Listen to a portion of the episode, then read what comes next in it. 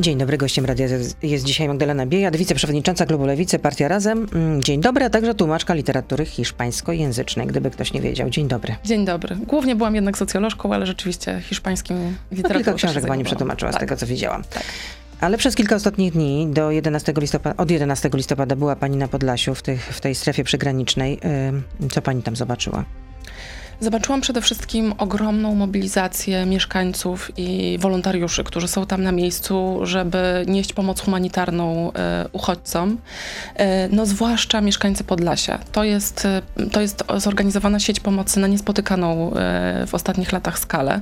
I chciałabym w tym miejscu wyrazić moje głębokie wyrazy uznania dla mieszkańców i podziwu, bo rzeczywiście państwo zostawiło ich samych z tym problemem. Z tym, że na ich barkach leży pomoc pomoc y, tym osobom, które w naszych lasach się błąkają, które są wypychane i przez Straż Graniczną Polską i przez służby białoruskie. I to są ludzie, którzy w przeciwieństwie do nas, y, w przeciwieństwie do wolontariuszy po prostu tam cały czas są. Nie mogą wrócić do Warszawy, do Krakowa i odpocząć. A y, konkretnie jest... pani komuś pomogła? Czy poszła pani do lasu, czy spotkała pani emigrantów? Moja, y, moja interwe- y, y, przeprowadziłam interwencję polegającą na ustaleniu miejsca pobytu rodziny, która została zatrzymana przez Straż Graniczną. To była dziesięcioosobowa grupa w której była matka z ojcem, piątką dzieci i wujem i dwóch mężczyzn. Niestety e, wuj tych dzieci i mężczyźni zostali, jak wynika z naszych informacji, e, natychmiast wypchnięci z powrotem e, na Białoruś. Matka w stanie głębokiej hipotermii trafiła do szpitala w Hajnówce. Natomiast, natomiast problemem było ustalenie, co się stało z ojcem i z dziećmi. Udało mi się to dzięki mojej interwencji potwierdzić. Udało nam się ustalić również, że dopóki mama tych dzieci jest w szpitalu, e, to e, nikt, przynajmniej tak obiecuje Straż Graniczna, e, nikt ich nigdzie wywozić nie będzie, tylko będą czekać na połączenie tej rodziny. No więc to jest dobra wiadomość, bo jak cały czas powtarzamy, nasze służby nie powinny e, i nikt nie powinien ich do tego zmuszać e, działać niezgodnie z zasadami humanitarnymi. Nie powinny doprowadzać do sytuacji, w której e, niewinne osoby są wysyłane no, na pewną śmierć do, do lasu, bo wiemy, że, że sytuacja jest coraz trudniejsza. Ale de facto pani do lasu nie weszła, nie widziała pani migrantów na własne oczy? Nie, ja, ja w tym razem do lasu, w lesie nie byłam w sytuacjach, kiedy grupy potrzebują wsparcia posłanki, to wtedy jesteśmy, jesteśmy proszeni o taką pomoc, żeby być świadkami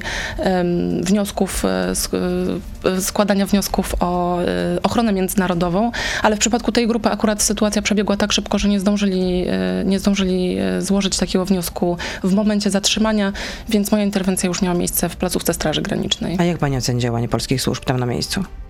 W mojej ocenie powiem tak. Uważam, że nasze służby działają na nie powinny, nie, inaczej, nasze służby oczywiście powinny chronić naszej granicy, powinny pilnować e, integralności naszych granic. Natomiast e, uważam za absolutnie e, skandaliczne z punktu widzenia humanitarnego, ale też bezsensowne z punktu widzenia naszego bezpieczeństwa stosowanie tej praktyki pushbacku, czyli od wypychania zatrzymanych na naszym terytorium już osób z powrotem na granicę białoruską. Dlaczego? Dlatego, że wiemy doskonale wszyscy i wiedzą to nasi rządzący, wiedzą to nasze, nasze wojsko i nasza Straż Graniczna, że osoby, które trafią z powrotem na Białoruś, nie będą przepuszczone do Mińska, nie będą mogły wrócić do domu z Białorusi, tylko, tylko zostaną wypchnięte z powrotem do nas. A więc te osoby, wiemy to wszyscy, przekraczają granicę po kilkanaście razy. To nawet jeśli nie chcemy uznać y, tych wartości humanitarnych, nie chcemy uznać faktu, że powinniśmy po prostu y, pokazać, że granica między Zachodem a Wschodem przebiega właśnie tutaj i że Polska jest w stanie zaopiekować się tymi ludźmi. To... Czyli co należałoby robić? To y, tylko skończę to, y, to ten, to to jest absurdalne, że nasze służby są po prostu bardziej obciążone przez to, że ci ludzie ciągle wracają jak bumerang. To, co powinniśmy zrobić, tak. to, y, to powinniśmy zatrzymać te osoby, przeprowadzić szybkie procedury sprawdzające, przyjąć te wnioski o ochronę międzynarodową i je szybko rozpatrzyć, a następnie uważam, że pokazowo wsadzić tych ludzi, którzy tych, te wnioski, których te wnioski będą rozpatrzone negatywnie, a wiemy, że to jest zwykle większość, do, do samolotu samolotów i odesłać do domu. Wiemy, że kolejne kraje zgłaszają Ale chęć samolotów? przyjęcia. Lotowskich? I wiemy, że Irak jest gotów e, współpracować na przykład, jeśli o to chodzi, i współorganizować takie, takie powroty, takie procedury powrotowe. Ale skąd wiemy? To jest, e, z, to jest już publiczna informacja, która jest w mediach. I Ale jak pani widzi, jest... co się dzieje też za zagranicy, no na przykład tak. wczoraj tutaj był gościem Radia Z Leszek Miller, mówi, że sytuacja się teraz zmieniła, że migranci mają teraz inną twarz, że to nie są już tylko kobiety i dzieci, nie przede wszystkim kobiety i dzieci, ale to są głównie młodzi mężczyźni stosunkowo agresywni, którzy atakują zasieki. Zasieki atakują również, ale przede wszystkim atakują zasieki Straż Graniczna. Pamiętajmy, Straż Graniczna e, białoruska, służby białoruskie. Wiemy o tym i mamy świadectwa tego, że z białoruskie Straż, białoruska Straż Graniczna przecina, przecina i niszczy te umocnienia, które w tej chwili są na granicy i siłowo bijąc wypycha migrantów na granicę. A więc te, jakakolwiek eskalacja, którą, z którą mamy do czynienia na granicy, odbywa się absolutnie z winy i z inspiracji służb białoruskich i musimy mieć tego pełną świadomość. Czy to oznacza, że nasi, e, że nasi funkcjonariusze mają nie chronić naszej granicy? Nie. Ale jeszcze raz powtórzę, te osoby, które już trafią na nasze terytorium, powinny zostać po prostu zatrzymane, sprawdzone, bo to też jest absurdalne. Procedura puszpaku wygląda w ten sposób, że nasi funkcjonariusze nie rejestrują tych osób, nie sprawdzają, kim one są, tylko odsyłają ich z powrotem. To jest też sytuacja moim zdaniem niespotykana, że nasze służby po prostu nie kontrolują, kto na naszym terytorium się znajduje. Ale chciałabym powiedzieć jeszcze jedną rzecz dotyczącą naszych służb. Dochodzą do nas informacje y, i y, od mieszkańców, którzy y, są na tym terenie, i bezpośrednio od funkcjonariuszy, że sytuacja naszych służb, naszych funkcjonariuszy jest fatalna.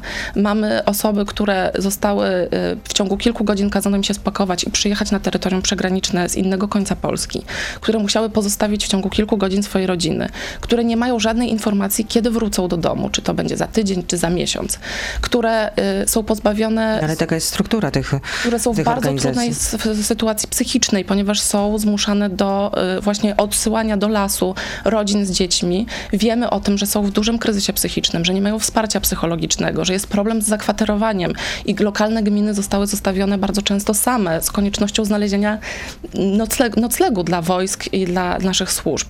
No to jest sytuacja skandaliczna. Nasze państwo moim zdaniem y, po prostu y, poległo tutaj na całej linii. Nie wspiera lokalnych mieszkańców, którzy sami muszą wszystko organizować.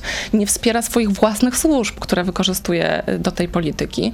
Y, I jednocześnie pozwala no na eskalację tego problemu Murem za mundurem.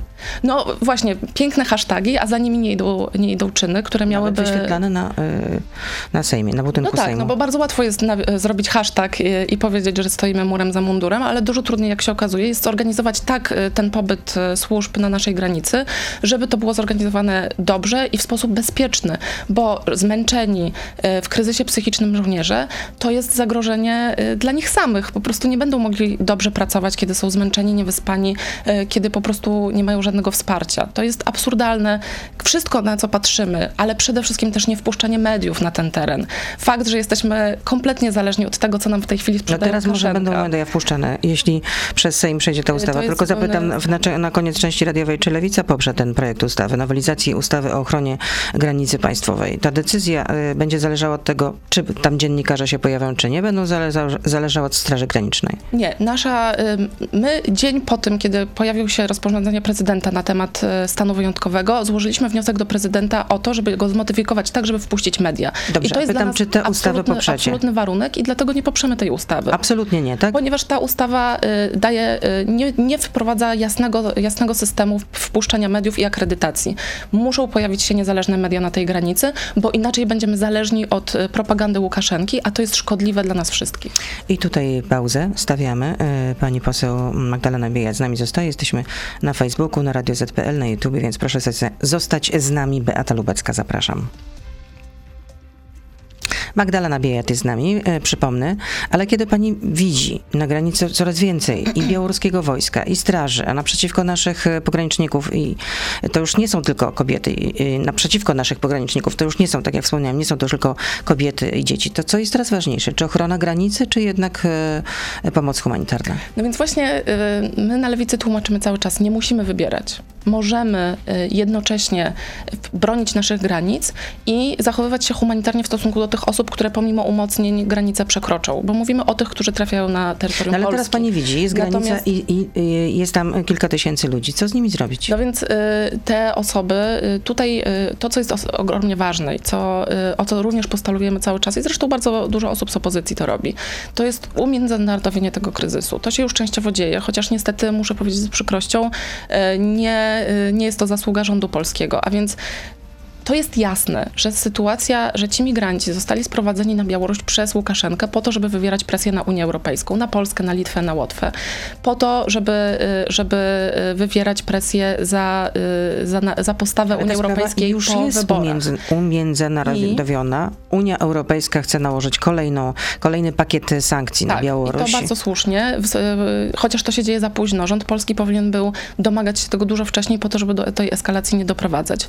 Ale należy to rząd polski, pani zdaniem, zawinił, tak? Nie Unia Europejska była za mało dynamiczna, zbyt bierna. Unia tylko, że Europejska oczywiście była za mało dynamiczna. Ja y, też uważam, że Unia Europejska powinna wcześniej się uruchomić, podjęła pewne kroki, żeby, tak? żeby, no bo to jest granica Unii Europejskiej, nie tylko Polski, tak. prawda? No ale jeżeli Unia Europejska nie reaguje, no to rząd, rząd polski powinien zrobić wszystko, żeby tę reakcję przyspieszyć. A tego nie zrobił. Z pewnością nie pomaga też fakt, że y, polski rząd otwiera sobie kolejne fronty konfliktu z Unią Europejską, moim, w mojej opinii kompletnie niepotrzebnie. Y, I, I to jest jedna sprawa. Druga sprawa to jest kwestia nacisku na y, linie lotnicze. To też się wreszcie zaczęło dziać, ale to też powinno się dziać dużo wcześniej, a więc powinno się doprowadzić do sytuacji, w której linie lotnicze, z których część ma siedzibę w Unii Europejskiej, z których część leasinguje y, samoloty z Unii Europejskiej, również y, musimy, musiały mierzyć się z sankcjami i naciskami za to, że y, transportują tych ludzi do Mińska. Wreszcie y, powinniśmy w sposób zorganizowany i nie zauważyłam, żeby MSZ coś takiego robił, prowadzić kampanie informacyjne w krajach pochodzenia tych osób i informować ich, że są oszukiwani, ponieważ wiemy, że służby Ale w jaki sposób trzeba prowadzić taką kampanię w informacyjną? y, mediach społecznościowych lokalnych, we współpracy z lokalnymi władzami, we współpracy z lokalnymi organizacjami pozarządowymi. Y, Chociażby wczoraj, y, robią to tymczasem posłowie opozycji. Wczoraj na przykład y, Maciej Konieczny spotkał się z, Z partii Razem, spotkał się z Narodowym Kongresem Kurdystanu. To jest po to, żeby rozmawiać w jaki sposób można informować Kurdów w kraju o tym, że, że tutaj w Polsce, że tutaj na granicy białoruskiej, nie w Polsce, tylko na granicy białoruskiej nic dobrego ich nie czeka, że to nie jest tak, że po przylocie do Mińska y, wsiądą w autobus i przyjadą, pojadą komfortowo do Berlina, jak ich przekonuje, y, przekonuje reżim Łukaszenki, tylko że czeka ich tutaj po prostu y, bicie, no bo to się dzieje na granicy białoruskiej. Oni, ci migranci, którzy są tam sprowadzani na granicę, są przez służby białoruskie bici, bici są traktowani fatalnie. Oczywiście Łukaszenka organizuje pokazówki, na których y, wydawane są kocy i sprowadza sobie media, żeby... Zagraniczne. Zagraniczne. No i proszę Łukaszenka mi powiedzieć, się na to jest możliwe? mediów CNN. To jest po prostu Reuters. skandaliczne, że nasze media, nasze media tutaj w Polsce nie mają dostępu do tej sytuacji, nie, nie mogą relacjonować tego, co się dzieje. I tak patrzeć No władzy bo na ręce, nie podoba się, media. że niektóre media nie relacjonują tego, co tam się dzieje e, na granicy, tak jakby sobie życzył tego rząd. No tak, no I tak, ale słyszymy, jest, że dziennikarze wpisują się w narrację Aleksandra Łukaszenki. to jest moim zdaniem absolutnie skandaliczne. To znaczy rząd sam sobie strzela w stopę, bo dzisiaj, tak jak mówiłam, efekt tego jest taki, że zamiast, zamiast państwa na granicy jedyne, y, jedyny komunikat, jaki przychodzi, to jest ten, który jest bardzo dokładnie przygotowany przez reżim białoruski. No ale rząd mówi, że przecież my przecież was informujemy na bieżąco. No przecież wszystkie te informacje można chociażby znaleźć. e, No przecież Straż Graniczna informuje o tym e, na bieżąco. Na Twitterze zamieszcza informacje, co tam się dzieje. No, ale jednak e, trzeba przyznać, że e, w momencie, kiedy rząd nie wpuszcza obserwatorów zagranicznych, nie wpuszcza naszych własnych polskich mediów, to opinia publiczna, i to też bardzo wyraźnie widać w badaniach, zaczyna się coraz mocniej zastanawiać, co tam się tak naprawdę dzieje i co rząd ma do ukrycia. A ma do również- ukrycia? No, nie wiemy tego, no ale, Ale, przecież... była pani na Podlasiu. Ale niestety nie mam wstępu do stanu strefy No tak, nie mogła pani tam wejść również, mimo że jest pani posłanką. I nie mogę tego skontrolować. A uważam, że to powinno być robione w sposób transparentny, bo to również działa na niekorzyść rządu Czyli de i facto na, posłowie i opozycji też mogą niewiele tak na dobrą sprawę, jeśli jedzie się e, tam e, na, na pogranicze. E, No, Również na pogranicze y, jeżdżą osoby znane, y, Tak. aktorzy, aktorki, którzy chcą pomagać y, migrantom, no i takie mm, działania nie spotykają się z ciepłym przyjęciem, nazwijmy to eufemistycznie ze strony władzy, co napisał na, w mediach społecznościowych Sebastian Kaleta. Jak, jakby nie było wiceminister sprawiedliwości Solidarnej Polski, napisał tak. Pożyteczni idioci pokroju Mai Ostaszewskiej organizują łzawe konferencje, które pomagają rosyjskiej propagandzie w kreowaniu w skali międzynarodowej Polski jako winnej kryzysu. Powiem to jeszcze, jeszcze raz. Te konferencje nie musiałyby się odbywać. Y, Te, ta pomoc humanitarna nie musiałaby być organizowana, gdyby nasze władze wyraziły zgodę na to, żeby po prostu zatrzymać osoby, które znajdą się w lesie, e, dać im po prostu schronienie, koc, miskę ciepłej zupy, zweryfikować ich wnioski, a następnie odesłać do domu. Bo odsyłanie ich z powrotem na granicę niszczy nasz wizerunek jako e, kraju demokratycznego i dbającego o standardy demokratyczne. Jest, jak mówiłam, absurdalne, ponieważ ci ludzie tu wracają i przyczyniają się tylko do większego obciążenia naszych służb, które ciągle muszą szukać po lasach tych samych osób. I wreszcie i, y, i, i to, co powinno się teraz zrobić, i ja też w czasie mojego pobytu y, na Podlasiu y, spotkałam się z, y, z przedstawicielami Straży Granicznej. Byłam w jednym z ośrodków zamkniętych. No tak, już o tym słyszeliśmy, I, tak. I rozmawiałam też ze strażnikami granicznymi i oni też mówią to samo, co my mówimy. To, co w tej chwili jest potrzebne, to jest drastyczne przyspieszenie y, proced, y, przetwarzania tych y, procedur azylowych. To jest potrzebne A dlaczego wszystkim. tego nie można przyspieszyć? To jest pytanie do rządu. Dla mnie to jest absurdalne również. Po prostu nasze państwo, jesteśmy dużym, e, nowoczesnym, zachodnim państwem leżącym w Unii Europejskiej. Ten kryzys jest kryzysem, z którym możemy sobie poradzić i do którego mamy narzędzia, żeby sobie poradzić. I możemy to zrobić w sposób, który deeskaluje ten konflikt, który nie powoduje wewnętrznych napięć, również w społeczeństwie, który nie dzieli społeczeństwa, który nie wywołuje w nas poczucia strachu. Można to zrobić.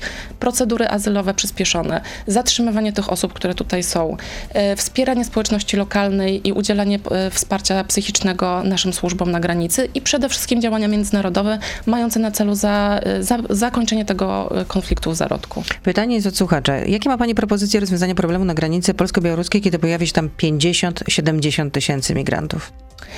No, przede wszystkim nie możemy dopuścić do tego, żeby tam się pojawili. Y, I, te, I raczej się nie pojawią, bo tak jak mówiłam, na szczęście Unia Europejska i poszczególne Się kraje się przebudziły. Y, Wiemy już, że poszczególne linie lotnicze po y, reakcji Unii Europejskiej już zapowiadają, że osób z tych krajów, które tutaj przylatują, nie będą wpuszczać na swoje, na swoje pokłady samolotów, że pojawiają się już ruchy, które mają na celu zakończenie tego, zamknięcie tego korytarza przez Mińsk. Y, I to, jest, to są ruchy słuszne, dlatego że, jak jeszcze raz, jeszcze raz podkreślę, niestety te osoby, które przyjeżdżają do Mińska są wykorzystywane w brudnej grze geopolitycznej Łukaszenki i musimy po prostu temu zapobiec. Mówiła Pani w części radiowej, że Lewica absolutnie nie poprze tego projektu ustawy, który prawdopodobnie dzisiaj będzie procedowany, rozumiem, tak? Północy, tak. Y, O północy, właśnie tak. Debata na ten temat odbędzie się tuż przed północą, rozpocznie się tuż przed północą. No to co tam jest niepokojącego jeszcze w tym projekcie ustawy? Przeglądała Pani ten projekt? Przeglądałam go, on jest dość krótki. E, Tam jest e, przede wszystkim, no to jest robienie stanu wyjątkowego, nie nazywając go stanem wyjątkowym. E, Wprowadzanie tylnymi drzwiami e, de facto bardzo podobnych zasad, jakie obowiązują w tej chwili. E, Nie ma możliwości, rozporządzeniem tylko zostanie określony teren, który, którego ten, ten nie, nie stan wyjątkowy będzie dotyczył. Natomiast wprowadza się tam zakaz poruszania na tym terenie, poza oczywiście mieszkańcami i wprowadza się zakaz wjazdu mediów, chyba że Straż Graniczna, komendant Straży Granicznej na danym terenie wyrazi na to zgodę. A więc nie ma tam, wbrew wcześniejszym wypowiedziom i zapowiedziom rządu, e, jasnego e, jasnej informacji o tym, że akredytowane media i jasnego systemu tej akredytacji będą wpuszczane na granicę. Czyli będzie to uznaniowe, rozumiem. Będzie to uznaniowe, będzie to znowu sytuacja, w której nie będziemy mieć pełnej informacji i znowu, no i to jest dla mnie, to jest dla mnie sytuacja zupełnie skandaliczna. To znaczy nasz rząd wystawia się sam na, y, na, na strzał y, ze strony reżimu Białorusi. To jest, y, rząd bardzo dużo mówi o wojnie hybrydowej, o wojnie informacyjnej i robi wszystko, żeby tę wojnę w tej chwili przegrywać. I ta ustawa jest kolejnym kamyczkiem y, na tym, do tego ogródka niestety, do ogródka Łukaszenki. Y, Dla mnie to jest y, zupełnie już nawet na poziomie takim państwowca, osoby, która chciałaby, żeby, ten, żeby Polska funkcjonowała dobrze, jest to kompletnie niezrozumiałe. Magdalena Biejat jest z nami posłanka y, Lewicy, a właściwie posłanka partii Razem, tak można powiedzieć, no ale klub y, Lewicy. Lewicy. Tak Czy Włodzimierz Czarzasty jest zabójcą tak zwanej nowej Lewicy? Mm, nie, dlaczego? Włodzimierz Czerzasty został wybrany na kongresie Nowej Lewicy e, ostatnio zdecydowaną większością głosów i e, razem z Robertem Biedroniem. Ale na niego mogli również zagłosować członkowie wiosny. No tak, tak. No tak, no tak. Pytanie, czy, czy wygrałby, gdyby tylko członkowie SLD mogli na niego głosować? Członkowie SLD również na niego głosowali, więc... No ale czy, czy bez głosów e, wiosny jednak Włodzimierz Czarzasty zostałby jednym ze współprzewodniczących? No dlaczego to Z pytam? moich informacji wynika, że tak. Aha, czyli że nie byłoby problemu z wyborem Włodzimierza Czarzastego. Nie. No taką opinią wczoraj podzielił się e, tutaj, może nie w tym studiu, bo rozmawialiśmy przez komunikator mm. elektroniczny, podzielił się były premier Leszek Miller, były zresztą przewodniczący SLD. No cóż, Leszek Miller e, nie jest członkiem Nowej Lewicy i e, no nie, jest zresztą już nie był już w SLD, tak. zanim Nowa Lewica e, powstała. I jego wypowiedzi od dawna już nie służą Nowej Lewicy, raczej pozycjonuje się jako, jako przeciwnik Nowej Lewicy. Ja jego rozmaite wypowiedzi odbieram ze zdumieniem. I, i przede wszystkim są niezgodne z prawdą.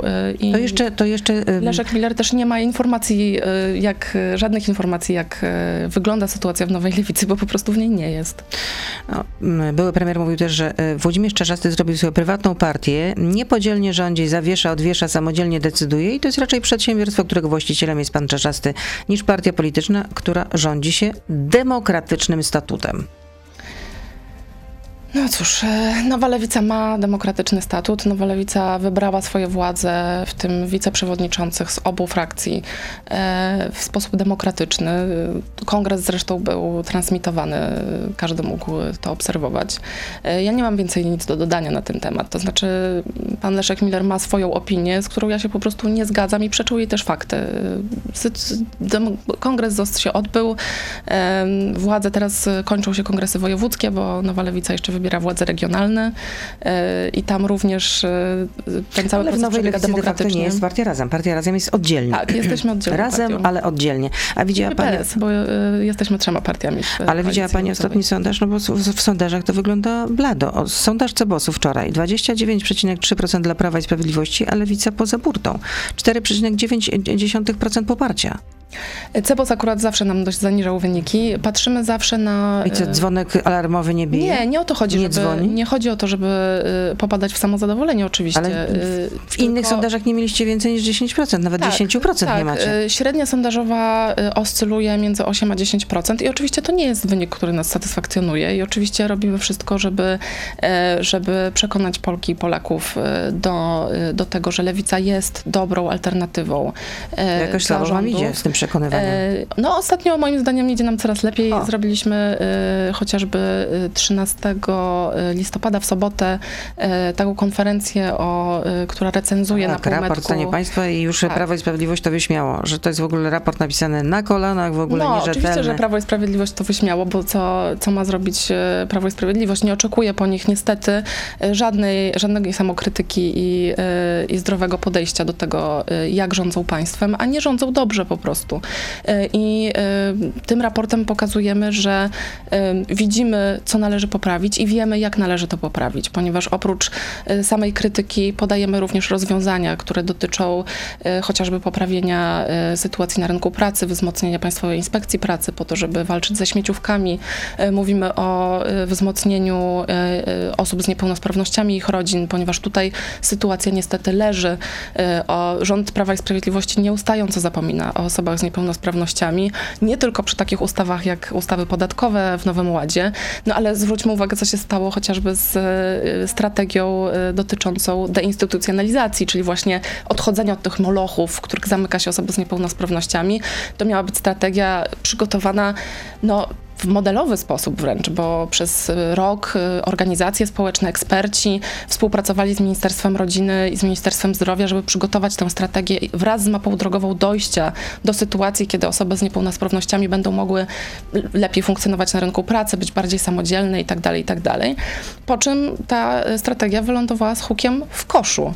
E, jest to e, sytuacja zupełnie skandaliczna czyli tutaj, i zdecydowanie czyli tutaj rozumiem pana, Pani zdaniem i zdaniem Lewicy rząd Prawa i Sprawiedliwości Sprawiedliwości kompletnie zawiódł na całej linii. Jest pytanie od Jacka, od słuchacza. Kiedy odejdzie Włodzimierz Czarzasty Janna Maria Żukowska? Czy y, wiecie, że te osoby ciągną lewicę w dół? Głosowałem na lewicę w ostatnich wyborach, ale dopóty, dopóki te osoby będą reprezentować lewicę, to mojego głosu i głosu mojej rodziny nie, dostan nie dostaniecie.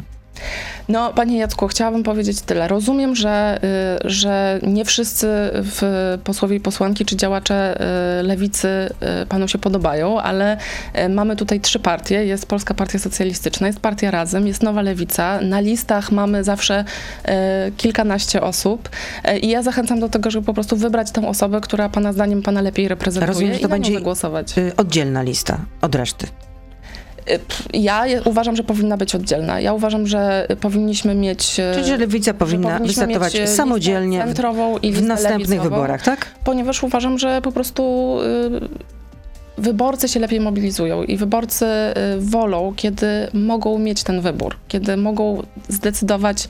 A jak mieli jedną listę, to by nie mieli tego wyboru. No, ten wybór jest wtedy mniejszy. Ograniczony, Chodzi o to, tak? Ograniczony. Chodzi o to, żeby mieć jasną, mamy, to jest jasne, że Lewica ma nieco inne recepty na Polskę, nieco inne diagnozy tego, y, co jest nie tak i co powinno się poprawić, niż partie centroliberalne. Y, I uważam, że to jest uczciwe w stosunku do wyborców, stworzyć dwa takie bloki, jeden centroliberalny liberalny, jeden lewicowy, które, y, które po prostu dadzą Czyli im realny Reszta wybór. opozycji powinna być razem, a lewica osobno. Jak te listy będą się układać, y, to zobaczymy tuż przed wyborami, zwłaszcza, że cały czas krążą różne słuchy o tym, że Prawo i Sprawiedliwość będzie chciało y, majstrować przy systemie wyborczym i to na pewno, jeśli coś takiego, mam nadzieję, że nie, czyli ale jeśli coś takiego się wyda- tak, tak, ale jeśli coś takiego się wydarzy, to na pewno będzie miało również wpływ na strategię partii opozycyjnych, to nie mam co do tego wątpliwości. I wtedy może będzie jedna lista. Bartek, czy zdaje sobie pani sprawę, że jeśli opozycja pójdzie do wyborów podzielona, to Prawo i Sprawiedliwość będzie rządziło kolejne lata nici z legalnej aborcji, związków partnerskich, opodatkowania kościoła? Zjednoczcie się w końcu, postuluje pan Bartek. Wybory chociażby do Europarlamentu pokazały, że niestety y, proste zjednoczenie całej opozycji tak nie działa, dlatego że e, często niestety, i to jest e, pokazane jest w badaniach, w momencie, kiedy mamy jedną, jednolitą listę opozycji, to to działa demotywująco na, na część wyborców, ponieważ mają poczucie, że dobrze, zagłosuję na swojego no powiedzmy, załóżmy, że to nie jest lewicowy wyborca, tylko lewi- y, wyborca y, centrowy. Zagłosuje na swojego kandydata, a potem wejdzie ktoś, kto nie chce, żeby mnie reprezentował. W związku z tym to działa demobilizu- demobilizująco i ludzie zostają w domu. Dlatego moim zdaniem nie chodzi o to, żeby wszystkie partie szły osobno, ale o to, żeby właśnie stworzyć takie bloki, które będą w stanie stworzyć spójny, y, wspólny program. Bo pamiętam bardzo dobrze, co się działo, kiedy do, do wyborów europejskich startowała Koalicja Europejska na której mieliśmy e, od prawa do lewa e, partię i efekt był taki, że bardzo ciężko im było się dogadać na temat programu, a chyba chodzi o to, żeby zaprezentować konkretny program, konkretny pomysł na to, jak chcemy, żeby Polska po PiSie wyglądała, bo ja nie chcę iść z programem antypis. Ja chcę iść z konkretnym, pozytywnym programem na Polskę, z konkretnymi rozwiązaniami i chcę móc je prezentować e, swobodnie w czasie kampanii wyborczej. Adam pyta, jaka jest długość granicy słoweńsko-ukraińskiej? Nie wiem, dlaczego pan Adam o to pyta, nie ma takiej granicy. No bo ostatnio w jednym z, z programów y, publicystycznych mówiła pani takiej granicy. Nie, mówiłam po przecinku. Aha, okej. Okay. To, może, to, może, to może wymienimy, z jakimi krajami graniczy Ukraina. Y, no, ale ja mówiłam wtedy o tym, że... Ale wie pani, z jakimi krajami y, graniczy Ukraina? No, graniczy z Polską chociażby. Chodziło o, o to ze, i ze Słowacją. Ale ze Słowenią na pewno. I, I ze Słowacją. Chodziło o to, że w, w tym programie rozmawialiśmy o tym, że o, o, tym, o tym problemie dotyczącym granicy. Wtedy rozmawialiśmy o... Um, pytano mnie, Y, co, czy powinniśmy, jak powinniśmy reagować na fakt, że y, czy nasi, nasze służby powinny interweniować w Białorusi. I tłumaczyłam wtedy, że y, nie mamy prawa interweniować w innych krajach. To wydawało mi się dość oczywiste i podawałam po prostu przykłady tych krajów, w których nie możemy interweniować, bo to nie jest nasze terytorium. Nasze służby są odpowiedzialne za to, co dzieje się na Ale jest Pani w stanie wymienić, z jakimi krajami Ukraina graniczy? No, mówiłam właśnie z Polską, ze Słowacją, jeżeli mówimy o Ale tylko granicy, o granicy, jeżeli mówimy o granicy Unii Europejskiej. No, proszę mnie nie odpytywać z geografii, bo nie o to tutaj chodzi. Y, chodzi o to, żeby... O to też pytają słuchacze, dlatego No dobrze, no ale odnoszę się, pytanie, odnoszę, no. się do, y, odnoszę się do konkretnego programu, do którego pije ten słuchacz i tłumaczę, że y, nie o to nie o y, rzekomą granicę słoweńsko-ukraińską chodziło. No to zmartwię panią. Jest kolejne pytanie, od, tym, tym razem od Wojciecha. Pani poseł niedawno miała problem, aby powiedzieć, na której granicy marzną dzieci w związku z atakiem reżimu Łukaszenki na Polskę. No i nie jest to granica ukraińsko-słoweńska, zatem proszę wymienić wszystkich sąsiadów Polski. Boże drogi, no... Szczerze mówiąc, y, to jest y, sprowadzanie tej dyskusji do absurdu, tak? Y, jeszcze raz powtórzę. Ale wystarczy wymienić koniec, kropka i jedziemy dalej. Tak, ale ja, ja nie uważam, żeby to był, żeby to był, żeby po prostu odpytywanie polityków z granic Polski służyło czemukolwiek. Oczywiście mogę teraz wymienić wszystkich, wszystkich naszych sąsiadów, nie mam z tym problemu, natomiast... No to proszę wymienić. Uważam, że to jest, y, że to niczemu nie służy. Ja, Czyli nie y, wie pani. Wiem, wiem, ale nie Rozumiem, będę tutaj, no, nie będę się tutaj była bawić. Da, da, nie, nie będę, nie, nie będę tutaj się bawić w odpytywanie. Uważam, że to po prostu y, po prostu nie, jest, nie służy w ogóle żadnej dyskusji. Rozmawiamy tutaj o poważnych sprawach. Odpytywanie nas z gramatyki, z geografii jest po prostu, jest po prostu no, niczemu po prostu opinia publiczna, czy też wyborcy chcą wiedzieć, jaką wiedzę podstawową mają ci, którzy nas reprezentują, I jeszcze wybrańcy raz narodu. I jeszcze raz powtarzam, mam pełną świadomość tego, że nie istnieje granica słoweńsko-ukraińska i jeszcze raz powtarzam, że w tej dyskusji mówiłam o tym, że tak samo jak nie mamy prawa ingerować w Hiszpanii, e, w Słowenii, w Ukrainie, w sytuacjach, w których y, tam się dzieją jakieś, y, jakieś sytuacje, w których tam, gdyby tam wylądowali jacyś imigranci, tak samo nie mamy prawa wejść na terytorium Białorusi to i chociaż tam, proszę powiedzieć, z jakimi krajami graniczy Polska od strony wschodniej? Z Białorusią i Ukrainą, z, mamy obwód kaliningradzki również i Litwę. Jeszcze raz, Ukraina, Białoruś? Litwa, obwód kaliningradzki. Rosja. No tak, Rosja. E, Michał pyta, gdyby były dostępne ekologiczne zamienniki posiłków, na przykład w postaci tabletek, które gwarantowałyby odpowiednią koloryczność, makro i mikroelementy, witaminy itd., tak to czy byłaby Pani za wprowadzeniem nakazu nakazu tabletek w ramach państwa opiekuńczego dbania o ekologię? No to już taki scenariusz science fiction. E, no, y, pan, pan, przepraszam, bo nie, nie Już mówię, jakie imię. Michał. Pan Michał. Pan Michał... Pan Michał chyba nie wie, że y, wbrew powszechnej opinii lewica jest za tym, żeby dawać możliwość wyboru, a nie żeby zmuszać do rzeczy. E, a więc a, a jest również za tym, żeby państwo stwarzało ułatwiało wybór i stwarzało takie możliwości, żeby pewne wybory były łatwiejsze i bardziej korzystne. I w tym sensie ja jestem za tym, żeby państwo umożliwiało nam bardziej ekologiczny tryb życia, żeby umożliwiało nam taki wybór, w którym y, jest nam łatwiej, bardziej dostępny i taniej jeść rzadziej mięso, a częściej zamienniki mięsa, ale absolutnie nie chcę do nikogo, e, nikogo do niczego zmuszać, bo to jest po prostu kontrskuteczne.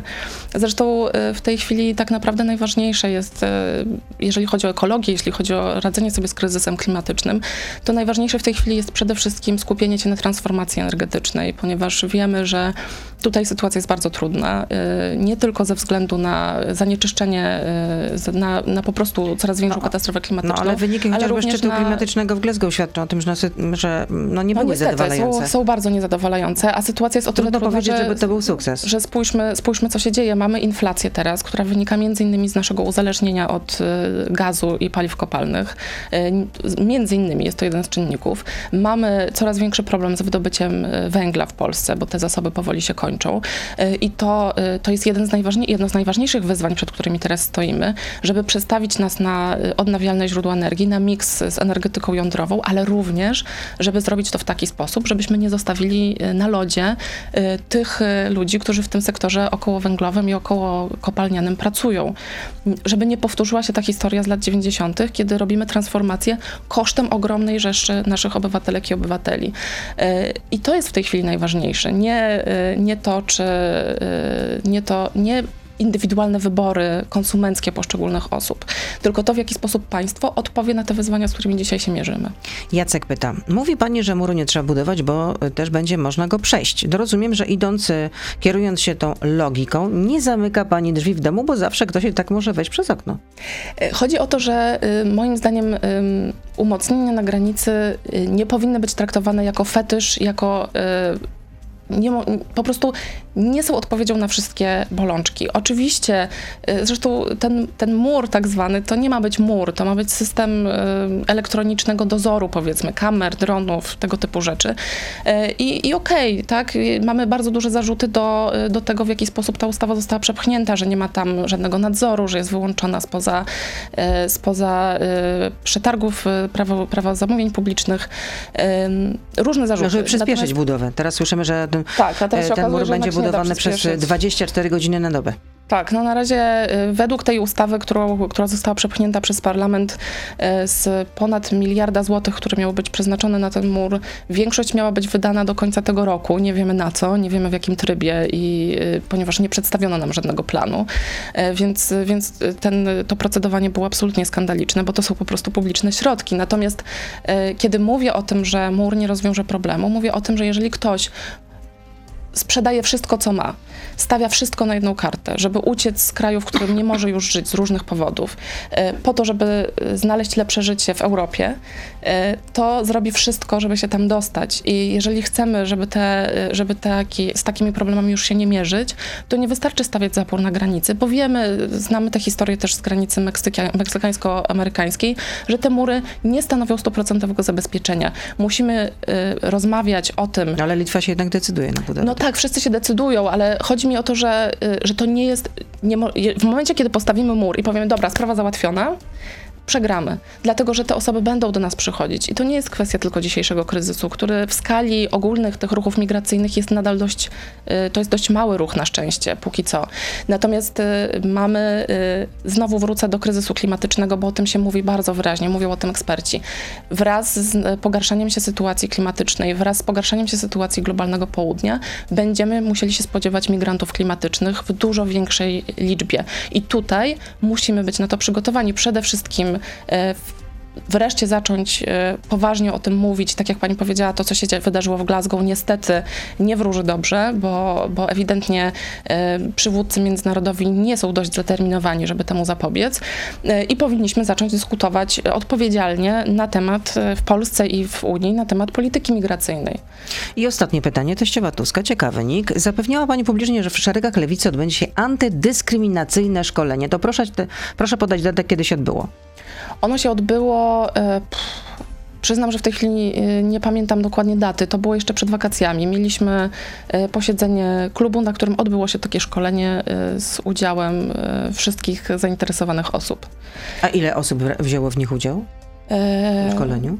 No to był cały, cały klub, cały klub na tak? nich. Tak, Czyli tak, wszyscy tak. byli zainteresowani, tak? Tak. tak to ile trwało to szkolenie? Ono trwało półtorej godziny mniej więcej. I kto je prowadził? E, prowadziła je przedstawicielka Feminoteki. To jest e, fundacja zajmująca się właśnie prawami kobiet. E, I jakie pani ocenia to szkolenie? Uważam, że poszło, że poszło bardzo dobrze. Osoby, przedstawiciele i Wiosny i SLD i Razem wzięli w nim udział, wzięli w nim udział aktywnie i, i cieszę się, że się odbyło, bo ono się odbyło naprawdę krótko po tym, kiedy zapowiedzieliśmy, że się odbędzie. Dwa, trzy tygodnie później. No, kiedy wyszło na jaw, że Włodzimierz Czarzasty Mówił to, co mówił do pani wicemarszałek Senatu. No i to nie powinno było się y, wydarzyć, ale pan marszałek Czerzasty y, jakby odbył spotkanie z panią marszałkinią i to zostało wyjaśnione i tak jak, y, ponieważ takie sytuacje się zdarzały, Lewica uważa, że powinniśmy reagować natychmiast i nie powinniśmy sta- stosować podwójnych standardów, dlatego to szkolenie zapowiedzieliśmy i przeprowadziliśmy, ono się odbyło. No, zobaczymy, czy, przysz- czy przyniesie efekty. Ja już widzę efekty, więc zapewniam, że tak. Magdalena Biejat, wiceprzewodnicząca klubu Lewicy była z nami. E, Nieustająco zdrowia życzę. Do usłyszenia, do zobaczenia. Kłaniam się. Dziękuję dnia. bardzo. Do widzenia. To był gość Radia Z. Słuchaj codziennie w Radio Z i na player radioz.pl.